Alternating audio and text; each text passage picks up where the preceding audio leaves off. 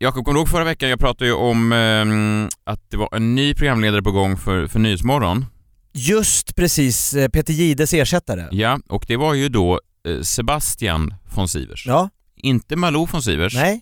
men de har en koppling. För- Kopplingen är? Ja, men Malou är ju mamma då. Ja, Sebastian. ja, exakt. Ja. Och då sa jag att nu är snart är premiären här och nu i veckan så var ju då premiären verkligen här. Ja, jag såg någon, eh, bara att det var kändisarna fullkomligt älskar Sebastians premiäravsnitt. Att det var liksom, det var hyllningsropen ville aldrig ta, ta slut så att säga. Eh, Hänt.se rapporterar kändisarnas häpna ord efter Sebastian von Sivers första sändning. De är häpna. Det gick inte bara bra, det gick så bra att de eh, Man tappar hakan. väntar på hakan hur bra det gick. Jessica Almenäs exempelvis. Hon skriver “Går ju hur bra som helst, heja Sebbe”. Spännande lycka till, skriver artisten Pernilla Wahlgren. Hjärtligt välkommen, skriver, ja i och för sig, kollegan Jenny Strömstedt. Så det är inte så konstigt att hon är positiv. Nej, hon är på samma jobb. Ja. P- Anders Pilblad, Maria Forsblom, också TV4-personer, de hejar. Och Malou von Sivers, tror du hon är positiv eller negativ? Jag tror tumme upp. Bra jobbat säger hon. Bara det? Ja. Det var inget häp. Nej men stolt, hon är inte häpen men ja. Alltså rubriken var inte, det var mer kändisarna ger tummen upp. Ja det är mer så här, TV4s egen personal tycker att Sebastian von Sivers gör ett helt okej jobb. Det, det hade varit en bättre rubrik. Ja det hade det, men det är kul att han är igång Sebastian. Ja, vad kul. Och sa jag det sist, eh, att han ser väldigt, eh, jag tycker han ser väldigt stilig kille. Känns Ja. som en eh, kalsongmodell. Jaha, oj, jag måste kolla in han. Ja. Vi får bjuda hit han. Radio play. Live från Stockholm, Sverige. Du lyssnar på Freakshow. Ikväll, Josefin Crafoord antastad på krogen. Det är någon av er som har en parfym. Det luktar väldigt starkt. Skulle du kunna gå in på toaletten och spola av dig lite grann? Och så pratar vi om Avicii. Du lyssnar på Freakshow, en rektaltermometer rakt upp i den ändtarmsöppning som är svensk nöjes och underhållningsindustri. Jag heter Messiah Hallberg, jag brukar sitta i... eh, Varför du... eh, Förlåt. Jakob, du sitter så konstigt. Jag, jag kände helt plötsligt hur jag fick lite kramp. Men nu går allting bra. Okej. Fortsätt. Jakob Ökvist är Ja. här. Vad kul. Hej! Hej. Messiah Hallberg, hur Ja. har din vecka varit? Eh, helt okej, eh, tror jag. Eh, Tror? Ja, men jag, vet, jag orkar inte tänka riktigt. Jag vill är det bara... så mycket mörker? Nej, det är det inte, men vi ska prata om riktigt mörker sen. Men Ja. men, ja, kul. Veckans gäst Josefin Crafoord, välkommen tillbaks. Hej! Tack, hej, hej, hej. Ja. Hur mår du? Jo, men jag har också så haft en liten... Kramp? Jag, har inte kramp, alltså inte fysiska direkta problem, men mer så här downer-vecka. Mm. Lite, lite låg efter, efter ganska roliga veckor. Är inte du nykär? Jo, eh, det är jag väl på något sätt. På Eller- något Det sätt? kan gå kanon.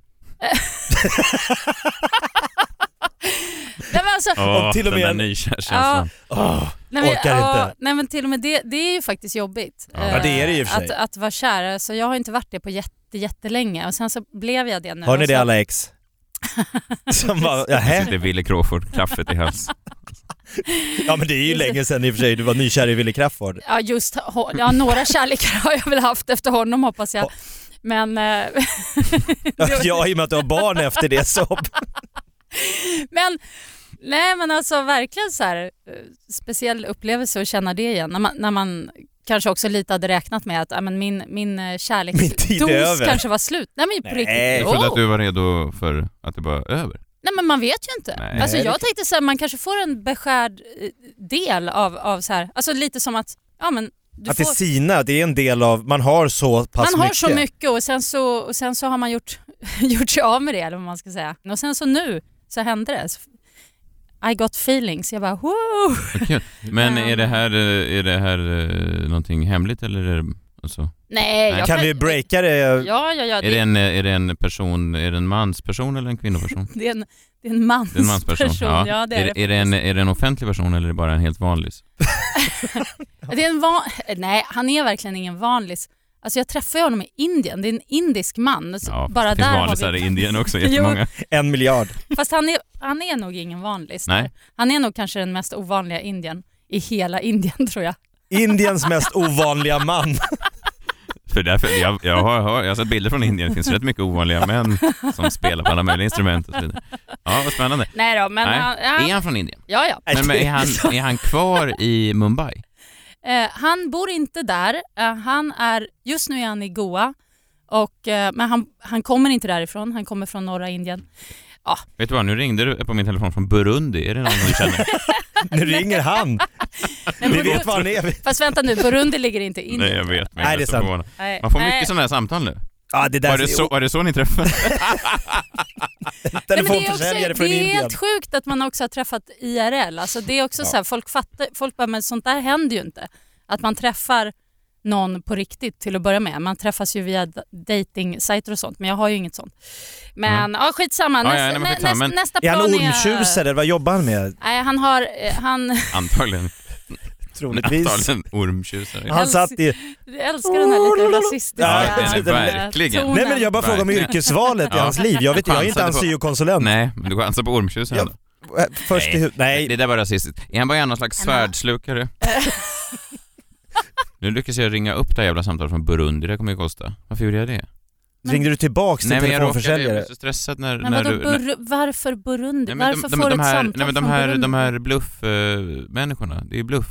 De ringer ju så står det så här, det här är från... Va? Ja. Och så svarar du, då börjar det ticka igång Ja. och sen får man själv en faktura på... Fast alltså jag har aldrig människor från Burundi som ringer så jag får en känsla av att Messiah har liksom Nej men det kan dragit stå igång London, det kan någonting. stå Lissabon, det är liksom massa olika... Får du... Har du hem... Ja men du har hemligt nummer va? Nej.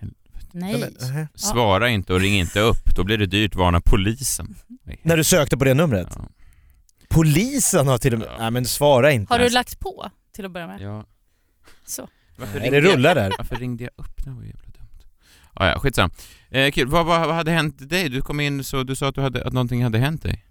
En sak som hände som, var så, som jag bara tänkte ventilera lite snabbt. Mm. Fråga hur ni skulle reagera på det här. För jag ställdes inför en så här, hur ska jag reagera situation bara några sekunder.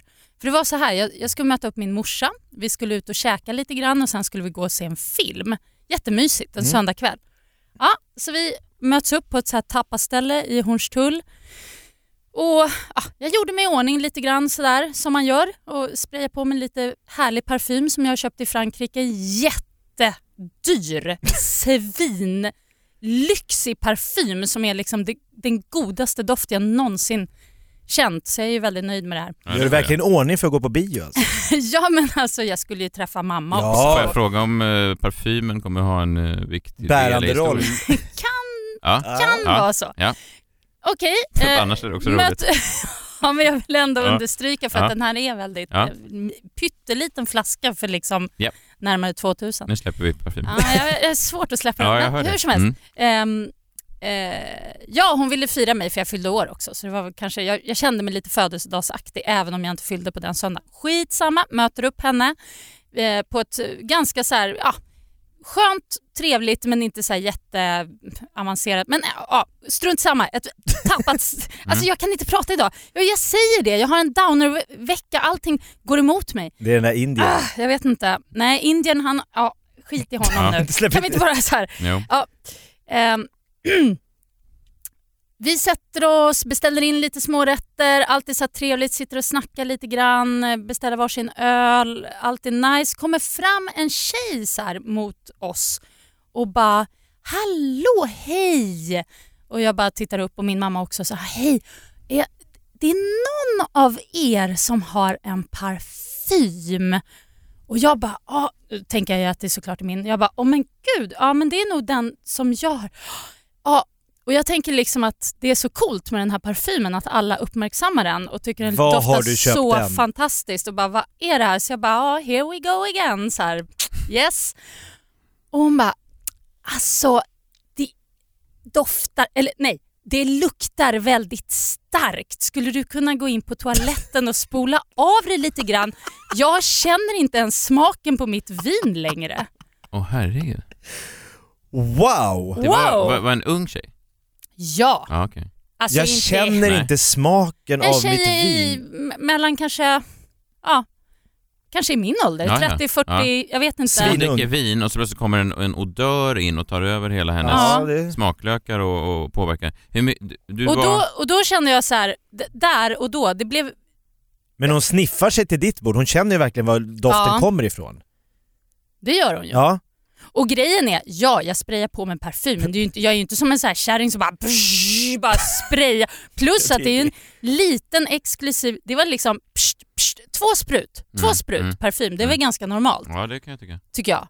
Och då är jag lite så här fundersam. Bara, vad gör man där och då? Ska man bli irriterad på att hon gör så eller ska man acceptera det och som så här, en hund med svansen mellan benen bara lomma in på av sig på muggen. och torka av sig? Det är ju ett rejält krav på en människa att säga kan du gå in och bara eh, vaska av dig? Ja, Ja, det är nästan det är väldigt oförskämt. det blir ju liksom...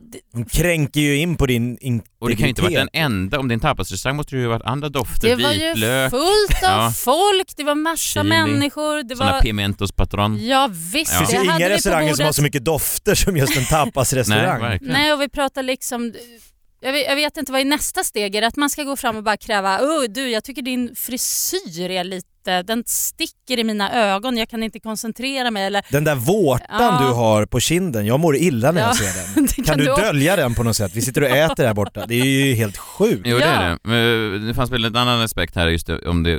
och människor har ju också dofter. Alltså även, det kan ju vara en, en, vissa luktar ju lite svett och andra Mm. luktar det en parfym som man kanske inte tycker så mycket om. Men att det, ska, att det kan störa så mycket. Ja, intressant. Och vad, vad, hur hanterade du det här? Nej, jag tittade på henne i några sekunder och tänkte då, okej hur ska jag reagera på det här?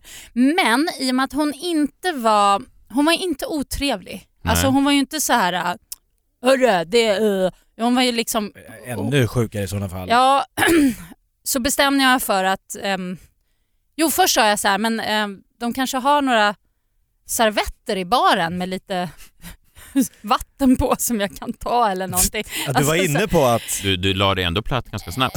Ja, alltså, jag kände också att jag har ingen lust att liksom förstöra någon stämning här eller börja bråka med den här kvinnan. Jag tror att hon var flata för hon satt och liksom Ah. småhånglade med en annan tjej. Jaha. Inte mig emot nej, såklart. nej, nej, nej. Jag bara säger. Ja. Ehm, så att vi Du vet. bara jag, bara, jag vill bara att ni, ni ska se detta. Vi- vilket också kanske kan sticka i någons ögon. Eller, så- alltså jag tycker bara så här... Vem stack i någons ögon? Du Nej. stack i hennes ögon. Eller du stack i hennes näsa Jag stack i hennes näsa men jag bara menar att det finns ju så många anledningar om man vill att hoppa på folk för ditt eller datt och Ja. det är så himla onödigt tycker Ja, jag. verkligen. Så du menar att du sa ingenting om att hon sitter här och bryter mot Guds plan? Nej, jag är, väl den, jag är väl den första att liksom embrace it. Om, om, om några har lust att liksom... ja, Men gö- risken är du menar att de skulle kanske vill. kunna få den typen av kommentarer om det kommer någon trångsynt människa. Ja, men jag menar, Men nu trampar hon in på dig. Jag kan tycka det är så här jobbigt till exempel om man åker tunnelbana och så sitter det ett så här finnigt tonårspar mitt emot mig och bara råhånglar. Mm, jag, tycker, ja, men jag kan tycka att det är lite äckligt. Men du skulle aldrig... Men det är klart att jag inte bryter in och bara ursäkta kan ni sluta med det där? Alltså det gör man ju bara inte. Nej. Nej, visst. Alltså, Så- så, ja, så jag gick i alla fall in på toaletten och eh, ja, torkade av mig, tork, tog lite, en sån här um, servett med lite vatten och bara duttade lite. Fast Otroligt. egentligen gjorde jag knappt det men jag, jag gjorde det lite som att det för skulle galleri. Ja, jag förstår, men det var ändå en walk of shame när du fick så att säga gå Ja. dit och sen gå tillbaka. Ja. Starkt, det var fint av dig att lägga dig så... eh, Du, hade, du berättade ju en historia här en gång, eh, var det inte du som berättade det, om Martina Haag? ja. Ja, det hade du kunnat gjort när hon bara attackerar på krogen med Karateslag. karateslag. Ja. Att du bara reser upp, jaha, vilken parfym, eh, kom, kom här får du lukta lite. Och så snabbt slag. Man undrar ju hur hon upplever, alltså det måste vara jobbigt att leva med en sån kvinna också. Ja. Alltså jag tänker hennes partner. Alltså, ja, tyckte synd om henne alltså. Starkt doft. Shit, jobbigt. Tänk om det är en första dejt också. Ja. Så tänker man ju, det här är en jävla dåre. Ja. En jävla dåre jag är på dejt med. Nej, Jag kan ju inte låta bli att hoppas lite att dejten gick åt helvete. Konstigt om det är en turn-on, den andra tycker sig det här är en kanonkvinna, henne ska jag hålla fast i. Hon har en jävla supernäsa. Jo men det kan det ju De ska ut vara. och leta tryfflar sen i skogen. Hon kanske börjar skapa parfym. Alltså det är väl just den här supernäsor som... Finns det inte en film som heter Näsan? Eller Parfymen? Ah, parfymen, ja just det. Näsan. Nej. Vad är det för jävla film? Fast man kallar dem för det. Uppföljaren. De här Ja, de som jobbar med det. parfymskaparna, han som har gjort Ta in näsan. den goda parfymen som jag hade på mig den här kvällen. Han Så kan... god var den kanske inte då. Jo, den är magisk. Jag har inte på mig den idag. Tack och lov. Ny säsong av Robinson på TV4 Play. Hetta, storm, hunger. Det har hela tiden varit en kamp.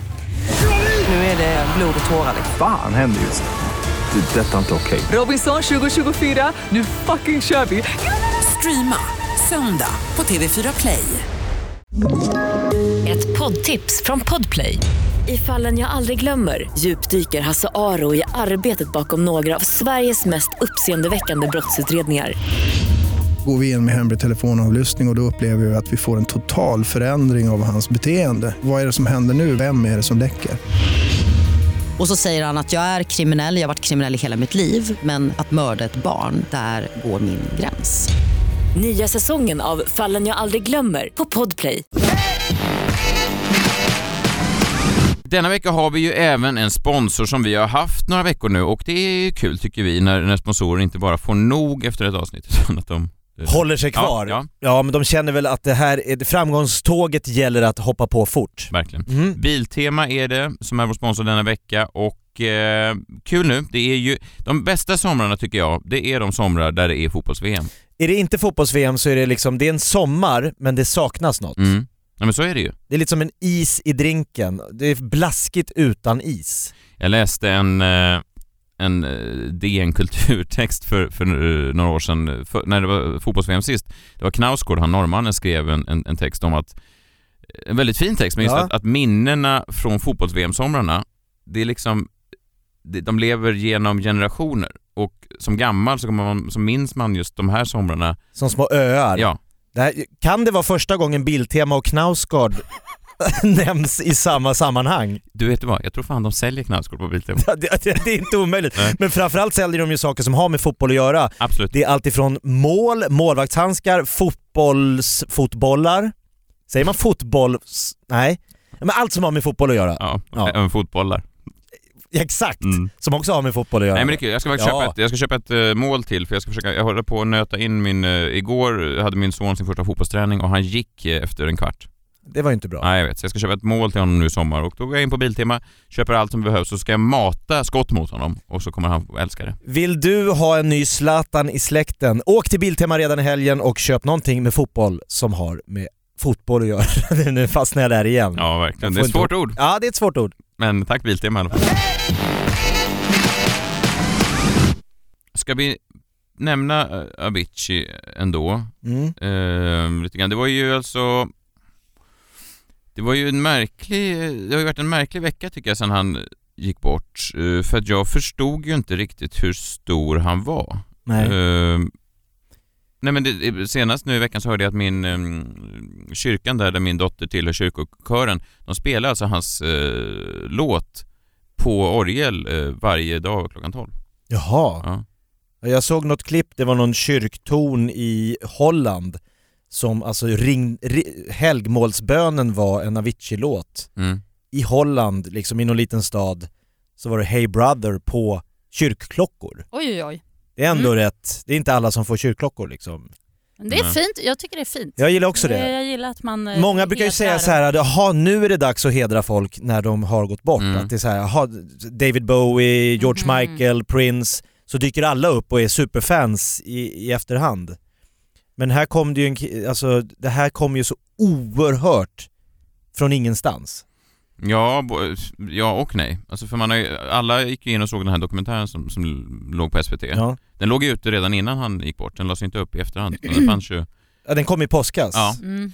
Eh, och ehm, jag känner mig lite som en sån kille om jag pratar, om vi, i och med att vi inte vet vad han gick bort av så, här, så är det svårt att spekulera kring det, Mm. men om jag utgår från, från mig själv som jag gärna gör, eh, så, ehm, så känner jag mig lite som en sån där, för jag har ju alltid, den typen av musik han gjorde har jag ju alltid avfärdat som, som skräp.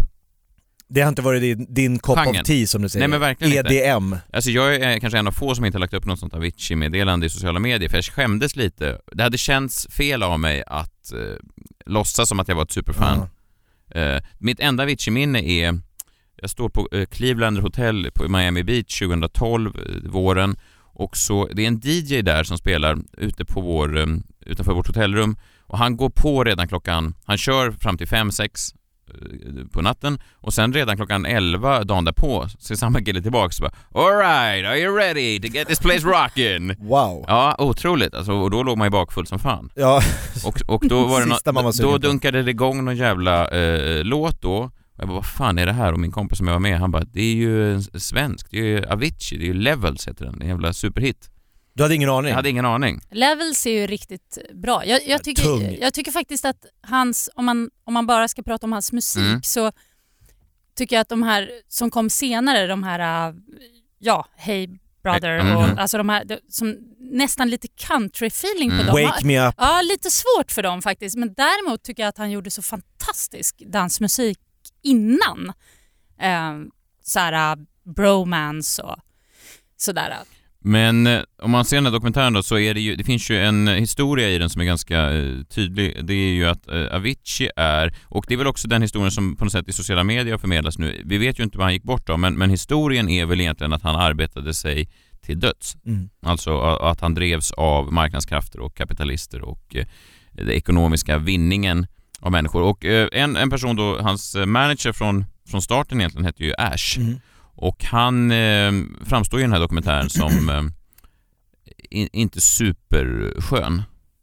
Nej, han... Alltså, alltså det är ju den, när man bara ser dokumentären, det är det man tar med sig. Ja. Okej, den här killen, det finns en god kille, det är Avicii, som var en, en svensk eh, kille som älskade musik. Han ville Och bara hade en supertalang. Han är supertalang, men han var nästan som en, han framstod nästan i dokumentären som en, eh, någon slags Ingmar Stenmark-typ.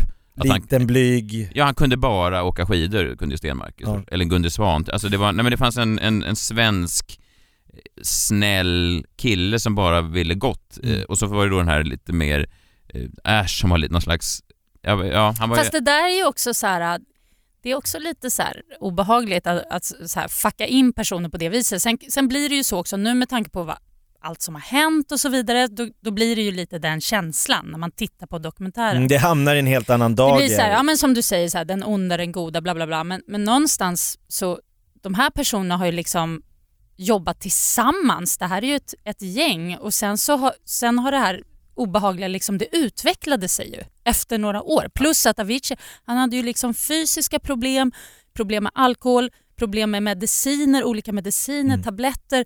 Och jag, I don't know, men jag bara tänker blandningen, mixen av allt detta liksom. Vi kan väl bara lyssna på lite hur den här Ash eh, framstår i, eh, i klippningen. Det här är en kille då som han sitter och förhandlar om, eh, jag tror att det här är en från förhandlingen om skivbolagen om eh, just Levels. Hey, it's Ash. Um, advance me put in at 500,000 euros. Right, speak soon. Thank you. Uh, Bye bye. Thank you. Goodbye. Jag måste ta på den, ärligt. Every day I'm hustling, hustling, hustling, hustling, hustling, hustling, hustling, hustling, hustling, hustling, hustling. Ja, hans agent alltså eh, sätter på låten Hustlin, eh, Everyday I'm Hustlin, eh, efter att han har då lurat till sig, eller lurat till sig, förhandlat till 500 000 euro för eh, någon slags avtal. Jo men han har ju lurat för att han säger ju att han har fått ett bud på 500 000 euro men han hade fått ett bud på 40 000 euro. Ja, men han har gjort, han har gjort, han har gjort en managers jobb i alla fall. Men det här är ju den, det, det här är ju den, ska- vad ska man säga, det är så här han målas ut, så här säger en annan skivbolagskille om Ash. There is no person like Ash. His obsessiveness of taking Tim to the next level or to three, four, five levels up. Uh, I think he will continue to be very successful because he is obsessed of having success. Han är besatt vid succé. Ja, och man får väl säga att han gjorde ett fantastiskt jobb med Avicii, alltså som artist. Ja. Nej, men, Om det är jobbet, Men- att ta en kille från, eh, liksom, som sitter och proddar lite musik i sitt pojkrum Ja. till att bli en världsartist. Absolut. Det är väl det enda menar- jobbet en, Ja. en, en, en manager har. Alltså det är väl det, Det är väl det enda, man har en manager men till. Det är väl det enda, alltså eh, jag, jag hå- håller med om hur, hur det framstår här. Alltså, alltså jag förstår ur ett personligt eh, perspektiv, alltså ur ett människovärdesperspektiv så Mm. är det ju inte, för, för Avicii mådde ju inte bra. Så här sitter han och säger, det här är korsklipps då med Ash, Eh, så här säger Avicii själv i slutet där när han håller på, eh, har gått in i väggen redan och ändå Mm. tvingas Men fortsätta. då får man ju tänka att det är längre fram. Ja. Jag har ju oavsett sagt till dem så här. Jag kommer inte kunna spela längre. Jag har sagt att jag kommer dö. Jag har sagt det jättemånga gånger. Jag kommer inte kunna spela mer. Då vill inte jag höra att de ens ska underhålla tanken att jag ska spela ett gig till. Och så korsklipps det då med Ash. Obviously that comes with challenges. He doesn't, you know, there's a... Fan, jag vill inte säga skit om honom, jag vill bara säga på något smärtfritt sätt vad problemet är. Jag ska säga, jag ska säga, jag ska formulera det bättre. Vänta. Alltså problemet är ju att han inte förstår värdet av pengar och förstår inte hur hans beslut påverkar andra jättenegativt. Och enda anledningen till att folk fortsätter liksom bry sig är för att han, han är framgångsrik för tillfället. Alltså skulle han skulle han inte vara framgångsrik längre, då skulle många överlämna skeppet. Liksom. Det är jag helt säker på. Man inte hade råd att tala folk och Mm. Här, här är ju storyn eh, tydlig. Här finns ju en ondskefull person och Mm. en god person. Fast jag, tyck, jag, tycker inte man kan, jag tycker inte man kan säga så. Alltså jag, jag, det, det, det, jag tycker inte man kan beskylla andra. Jag tycker att det är så lätt hänt i alla såna här laddade situationer där någon dör av en eller annan anledning, att man ska hitta syndabock. Mm. Och Jag tycker inte man ska göra det. Alltså jag gillar inte den idén. För det är ju så, den här Ash, han brinner för någonting. Han gör, det är ju inte som att han vill att eh, Tim ska dö. Självklart Nej, det inte. Liksom. Verkligen inte. Och han kanske inte är så... Han, han tänker på ett sätt och, och ja, jag, vet, jag gillar inte det där. Att det alltid, så där är alltid det är samma sak i den här metoo-rörelsen. Att det var någon som tog livet av sig. Det var någon, ja, ja, någon person. Stadsteaterns Ja, chef och, och då är det som att så här, ja, då är det då är det massa människors fel att han tog livet av sig. Men så kan man ju inte tänka. Nej, alltså många har ju skrivit till Ash på sociala medier att du har blod på dina händer och sånt där. Det är så? Ja, Vansinnigt. och det är ju, finns ju någonting, för att det jag tänkte, jag är lite inne på ditt spår Josefin, oavsett vad eh, dödsorsaken är, så är det ju, alltså jag vet inte riktigt, man måste ju tänka, utbrändhet är ju också, jag har haft utbrändhet på väldigt nära håll i, i min familj och det är ganska svårt att stå vid sidan av utbrändhet för det är ju inte en fysisk åkomma Ja, nu hade ju, nu hade ju Tim då även eh, andra eh, mer saker som man kunde ta på, han opererades och så vidare. Gallblåsan Ja. och buskbåtskörteln. Ja, ja det, det är ju mer i och för sig, där är ju tydliga tecken på det sättet. Men just själva utbrändheten, Ja, när någon plötsligt säger så här, vet du vad, jag pallar inte. En instinkt hos ganska många människor är att man säger, det vet jag själv, att man säger, men vad, vadå pallar inte? Du, det, här, du, det här gjorde du precis. Alltså du Mm. kunde ju precis göra det här, men vadå nu pallar du inte? Det är väl bara att bita. Alltså, Ja, det är svårt att sätta sig in på riktigt i hur jobbig liksom, nästan omöjligt. situationen Det är. är Ja. nästan omöjligt. Ja. Men det, och, och, Och sen är det också väldigt olika hur folk är. Nu, i, I Tims situation, jag tycker återigen i dokumentären så är det så tydligt verkligen att han, att han verkligen inte pallar och han borde ju få mer gehör för det. Men det kan ju också vara så att mä- människor som är så här, åh jag orkar inte, att de, många behöver ju ibland höra så här, äh, kom igen nu, fan ryck upp det, nu, nu kör vi och så kan man må bra. Ena gången Ja. och andra gången behöver folk bara dra i handbromsen och säga Ja, stopp. alltså jag vet själv eh, ibland när jag, om jag har mycket eller ska göra någonting som jag är nervös för eller stressad för, om, om jag då får pepp och så här, fan kom igen Jossan du är skitbra, det, det här gör det, inga problem. Alltså jag, då mår jag, det kan, det kan hjälpa mig också. Men- så att man, men, kan inte, eh, man kan inte klandra människor för att de Nej, men jag tror, om man säger just det rent när man har ut, utmattningssymptom eh, så är det ju, då funkar ju inte det. Nej, nej. nej. Kom igen nu. Nej. Kom igen nu. Såklart, såklart Nej. inte, men vad jag menar är att de här människorna Nej, de, är, de vet inte om vad som de, pågår. kanske, de är inte Nej. professionella doktorer, läkare eller liksom, de kanske inte Men ska man inte lyssna på hans rop då? När han säger jag, jag, jag, jag, inget mer, inga mer jobb, Jo, snälla. jo, jo. Och så ringer han upp och säger, jo det är bara ett av de giggen blev av. Han sa, Mm. nej men jag sa inga, Ja. vad är det ni inte hör? Nej, men det är konstigt. Det, det, Nej men det är, det är en sjuk värld, eh, såklart att det är, men det är också en värld som drivs av pengar. Jag, det jag eh, vill komma till lite grann är, eh, säg Jakob att du hade investerat eh, m- många år i, i en person Mm.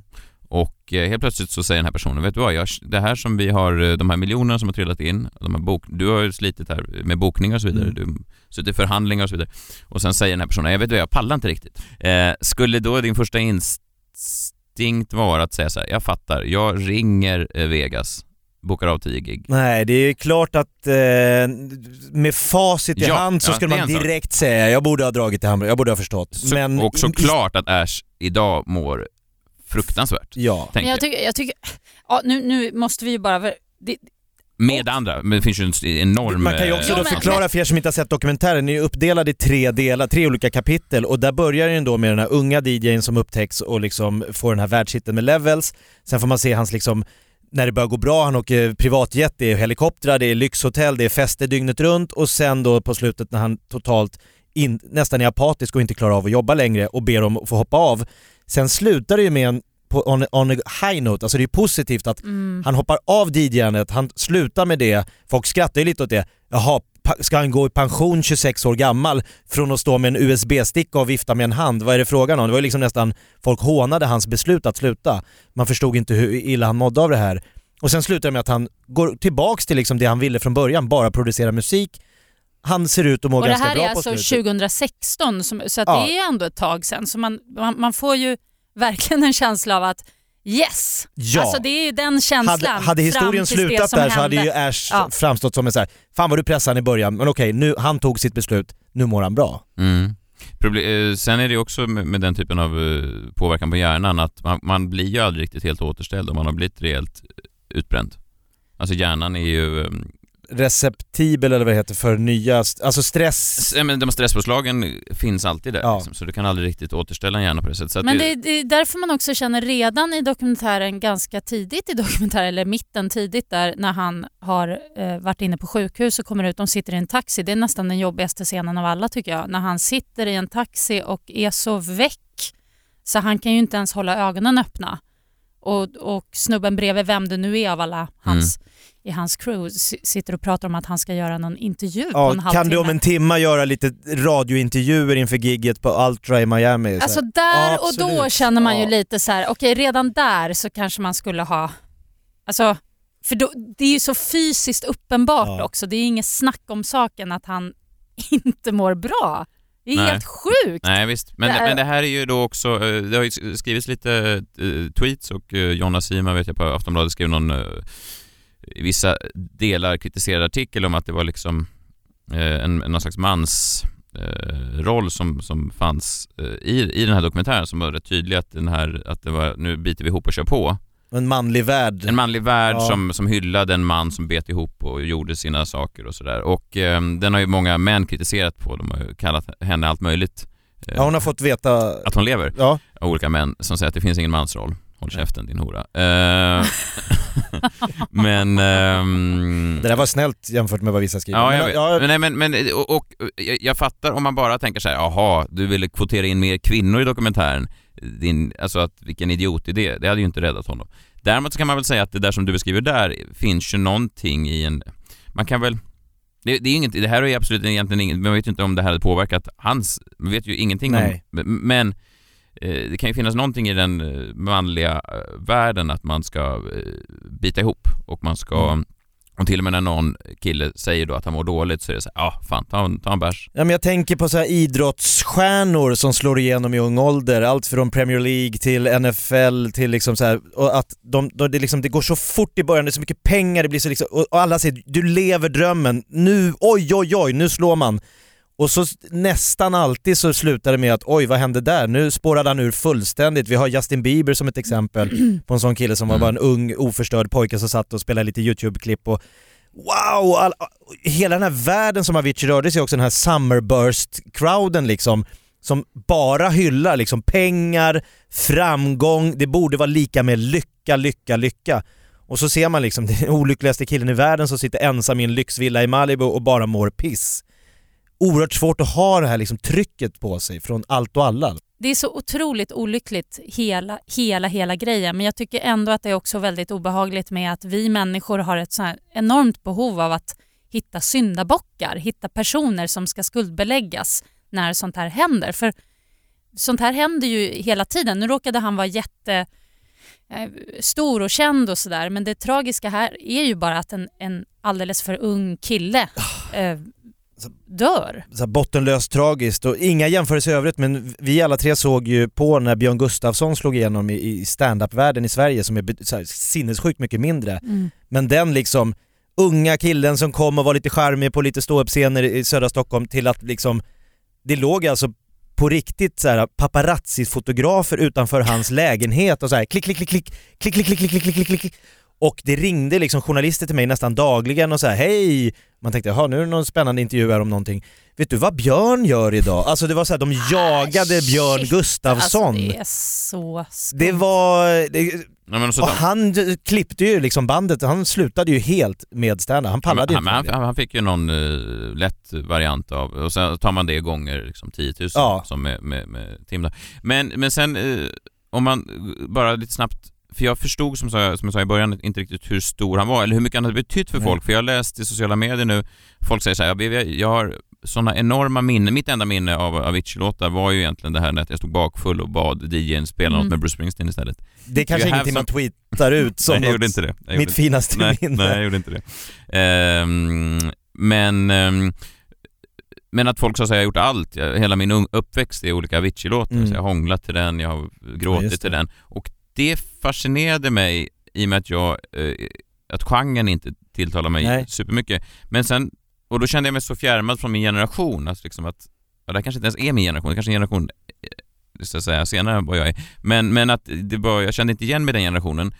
Men sen förstår jag också att det är inte min uppgift att tala om för, för, för den generationen vad de ska lyssna på för musik Nej. när de lever sitt. Alltså det, är inte, det var ju inte jag. Ibland drabbar ju saker en på ett konstigt sätt, alltså mer än vad man ens tror. Och, och den här grejen drabbade verkligen mig trots att jag inte heller Mm. är ett så här Avicii-fan på det sättet. Men jag var ute på landet i helgen, jag var där helt själv och då lyssnade jag på liksom allt med Avicii. Jag tyckte det var så här, nej men nu, jag, jag ska verkligen lyssna. Allt, liksom från hans första I'm a fucking alcoholic som är en svinbra, den är ju gammal, gammal, gammal låt som kom liksom långt innan han breakade men den är så tung. Han har ju sån feeling för att skapa det.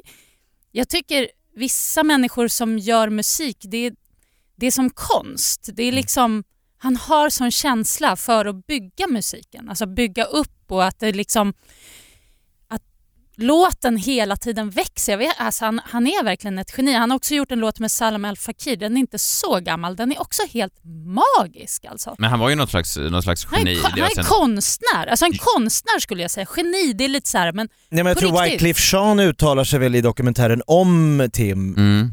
att det, han jämför ju honom då med Michael Jackson och Bach är hans jämförelser. Och jag förstår det, för han bygger. Han bygger, som, han bygger upp musiken på ett väldigt unikt sätt. Om man jämför Aviciis låtar faktiskt med andra DJs låtar så sticker de ut. Mm. De har Ty- en tycker egen du- style. Ja, men, ja okej. Ja. Jag, jag förstår, för att det här är det eh, som jag nu läser i kultursidan också, att folk skriver. Jaha. Ja men att så här, läser men Avicii, nej men, men eh, en artikel, eller en, en artikel här av Nicolas Ringskog Ferrada Noli. Han säger att Avicii var annorlunda. Elektronisk dansmusik var visserligen hans språk, men eh, det var musiken i sig som var hans hem, inte de jättelika klubbarna. Eh, han var ingen introvert avantgardist. Hans musik var alltid tydlig och poppig, vilket gör att man kan underskatta subtiliteten i hans produktioner och det personliga i hans uttryck. Ja, Alltså- det där tycker jag också är lite så konstigt skrivet för vissa av hans låtar har faktiskt ganska stor dos mollighet i sig vilket Ja, men, det är ganska... men det är väl, men det, är- det, ja precis, men det är väl det han eh, sen kommer till då. Han kommer till det, okej, okej, Aviciis musik passar mycket väl in i det här eh, popklimatet, men i hans fall tycks ljuden och hookarna alltid vara medel snarare än mål. De bär något, de uttrycker något bakomliggande, de vill något.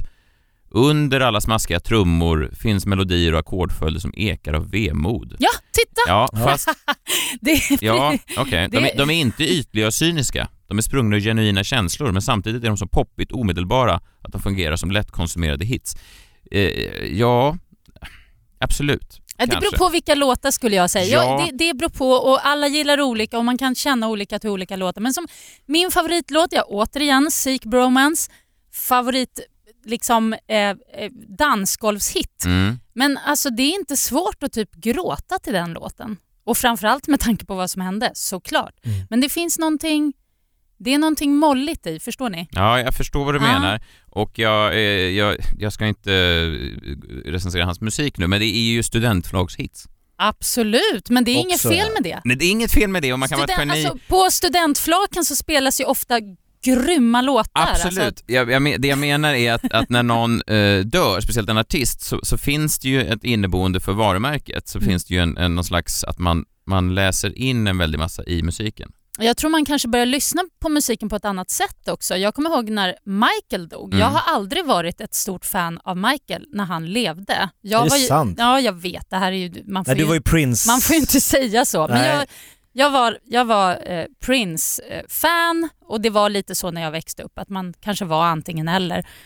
Men eh, jag lyssnade aldrig på Michael Jackson. Jag tyckte att hans låtar var för pff, äh, ingenting jämfört Nej. med Prince. Japp. Ehm, men efter Michaels död så då, blev det liksom att man lyssnar på hans musik lite mer noggrant, Ja. kan man säga så? Ja, eh, visst. Man, man, Ja. man, man, man söker också lite svar tror jag, omedvetet. Ja, Vad, Man vad, öppnar vad var upp öronen och lyssnar ja. lite. ja, och, och liksom känner in och bara fan shit, ja men gud han är ju, han är ju helt otrolig och sen efter så har Michael liksom vuxit för mig. Och, och, men det här tror jag kommer hända även, för jag har ju kommit på mig själv att göra samma sak nu. Jag har ju spelat Avicii hela veckan Mm. och också hört det här eh, vemodet Ja. och mollen. Jag är inte säker på att det där ens fanns där från början.